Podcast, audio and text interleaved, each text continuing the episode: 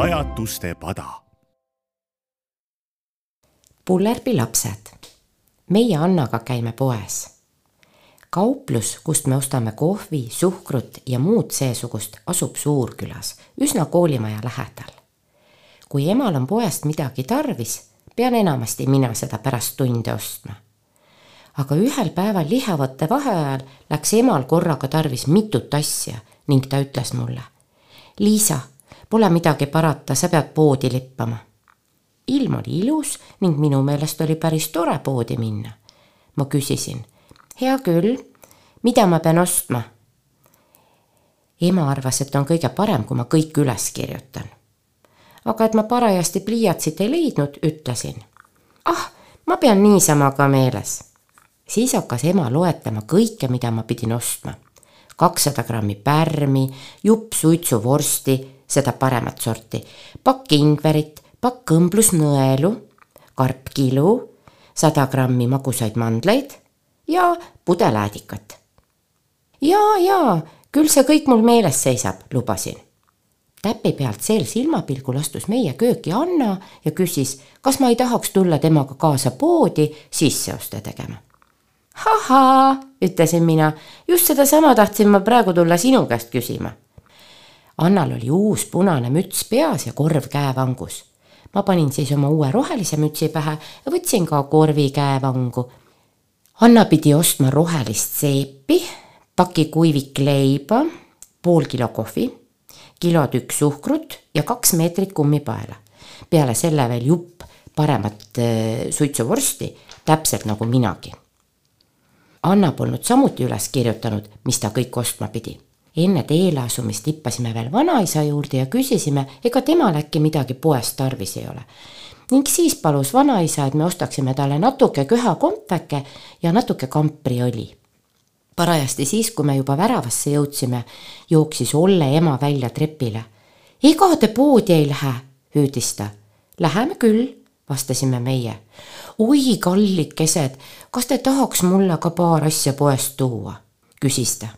Ütlesime, et toome meeleldi. ta palus, et me ostaksime tema jaoks ühe rulli neljakümne numbri niiti ning purgi vaniljesuhkrut. oot-oot, midagi oli mulle nagu veel vaja, ütles ta mõtlikult. vahest üks jupp paremat suitsuvorsti? oletasin mina. aga täpselt, ütles Olle ema kuidas sa küll oskasid ära arvata? siis me asusime Annaga teele ja olime natuke mures, et kas me ikka peame kõik meeles. alguses me läksime ja lugesime teineteisele ette kõiki neid asju, aga lõpuks me tüdinesime sellest, kõndisime lihtsalt käest kinni ja vehkisime korvidega, päike paistis ja puud lõhnasid nii hästi. me laulsime täiest kõrist. jupp kõige paremat suitsu vorsti see kõlas tõesti kaunilt, me laulsime seda omamoodi. alguses hakkasin mina peale jupp kõige paremat ning siis lõi Anna kaasa suitsu vorsti, suitsu vorsti. nii rõõmsalt ja nii lustakalt kui vähegi võimalik. alguses laulsime seda viisil, mille järgi oli hea marssida. aga siis leidsime teise, mis oli väga nukker, kuid siiski kohutavalt ilus algusest lõpuni. selle juures oleks võinud peaaegu nutta küll see suitsuvorsti lugu on ikka kurb, arvas Anna, kui me lõpuks poe juurde jõudsime. poes oli palju rahvast, nii et meil tuli tükk aega oodata, enne kui meie järg kätte jõudis. õieti tuli meil oodata veelgi kauem, sest ilmselt arvasid täiskasvanud, et lapsed võivad oodata kauplustes kui tahes kaua. Nad trügisid kogu aeg ette. kuid viimaks tuli onu Emil ise poodi. teda me tunneme ta hakkas pärima, kuidas Pullerbis lood on ja kas me sõime lihavõttepühade ajal ka palju mune ära ja kas me ei kavatse varsti mehele minema hakata. seda me igatahes küll ei kavatse, vastasin mina. ja mida noored daamid siis täna osta tahaksid, küsis onu Emil. ta räägib alati nii põrunult, aga ta siiski meeldib mulle. tal on alati pliiats kõrva taga ja tillukesed punased vurrud ees ta pakub iga kord suurest purgist hapusid klaaskompveke. kõigepealt luges Anna üles kõik, mis tema pidi ostma oma emale ja vanaisale. onu Emil aga kaalus ja pakkis kõike, mis Anna ette vuristas. siis tuli minu kord üles lugeda kõik see, mis mina pidin tooma oma emale ja Olle emale. me murdsime Annaga mõlemad pead, et mitte midagi ära unustada. seejärel pakkus onu Emil meile hapusid klaaskompveke ja me läksime minema. Otse koolimaja taga tuli meile vastu üks tuttav poiss. ta pani tähele, et meil on uued mütsid peas. kui me olime tüki maad edasi läinud ja parajasti jõudnud teelahkmele, kust tuli Pullerpuu poole keerata, ütlesin mina. Anna, on sul meeles, kas ma pärmi ostsin? seda polnud Annal üldsegi meeles. hakkasime minu korvis pakke sorima, aga seal polnud mitte midagi, mis oleks tundunud pärmina. Olime sunnitud kauplusse tagasi pöörduma onu Emil naeris meie üle, andis meile pärmi kätte ja pakkus uuesti hapuseid kompveke. hakkasime uuesti koju minema. täpi pealt siis, kui me jälle teelahkmele oli jõudnud, hüüdis Anna. oi, vanaisa kampriõli. olime sunnitud poodi tagasi minema. Polnud midagi parata. küll onu Emil alles naeris meid. Ta andis meile kampriõli ja veel hapusid kompveke kui me järgmine kord teelahkmele jõudsime, oli Annal nii kohkunud nägu peas, et mul hakkas temast tõeliselt kahju. Liisa, ütles ta, ma olen peaaegu kindel, et ma jätsin vist suhkru ostmata.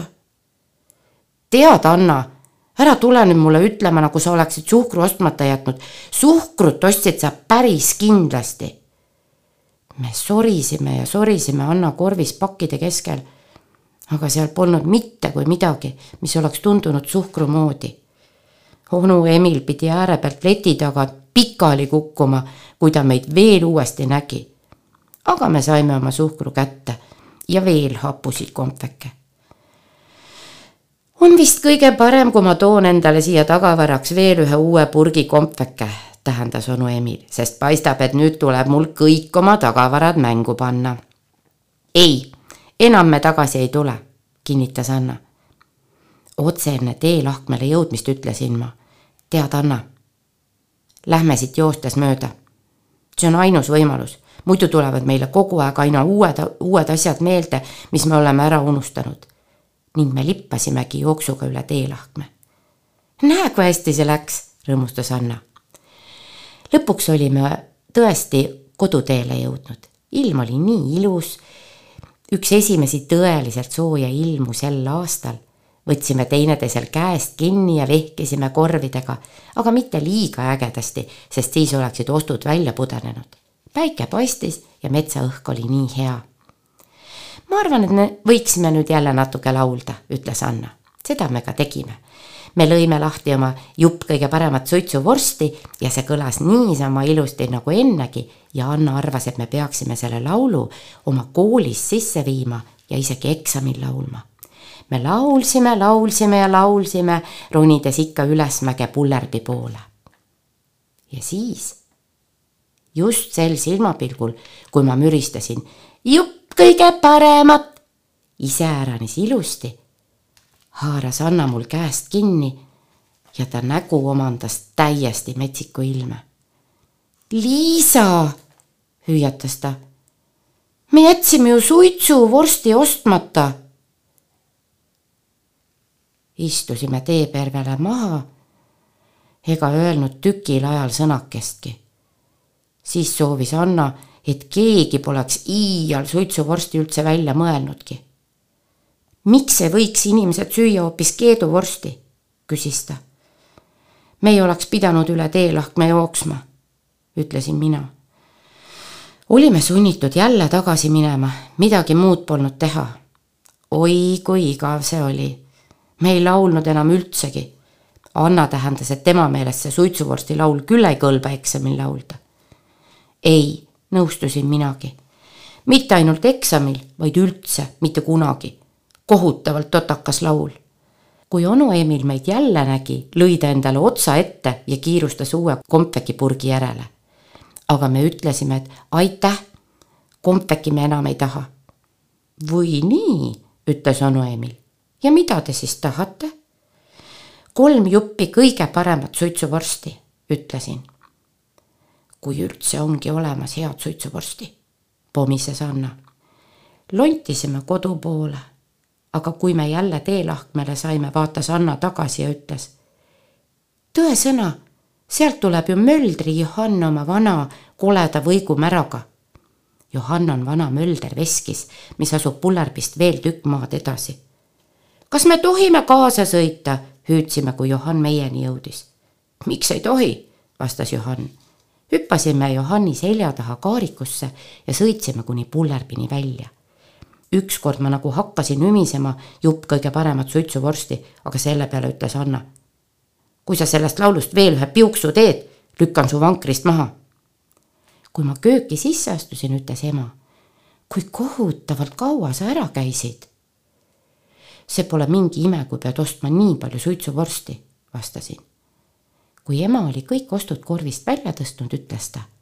küll sa oled tubli tüdruk, et sa kõik meeles pidasid. Astrid Lindgreni raamatust Pullerbi lapsed luges juttu Meeli Nõmme.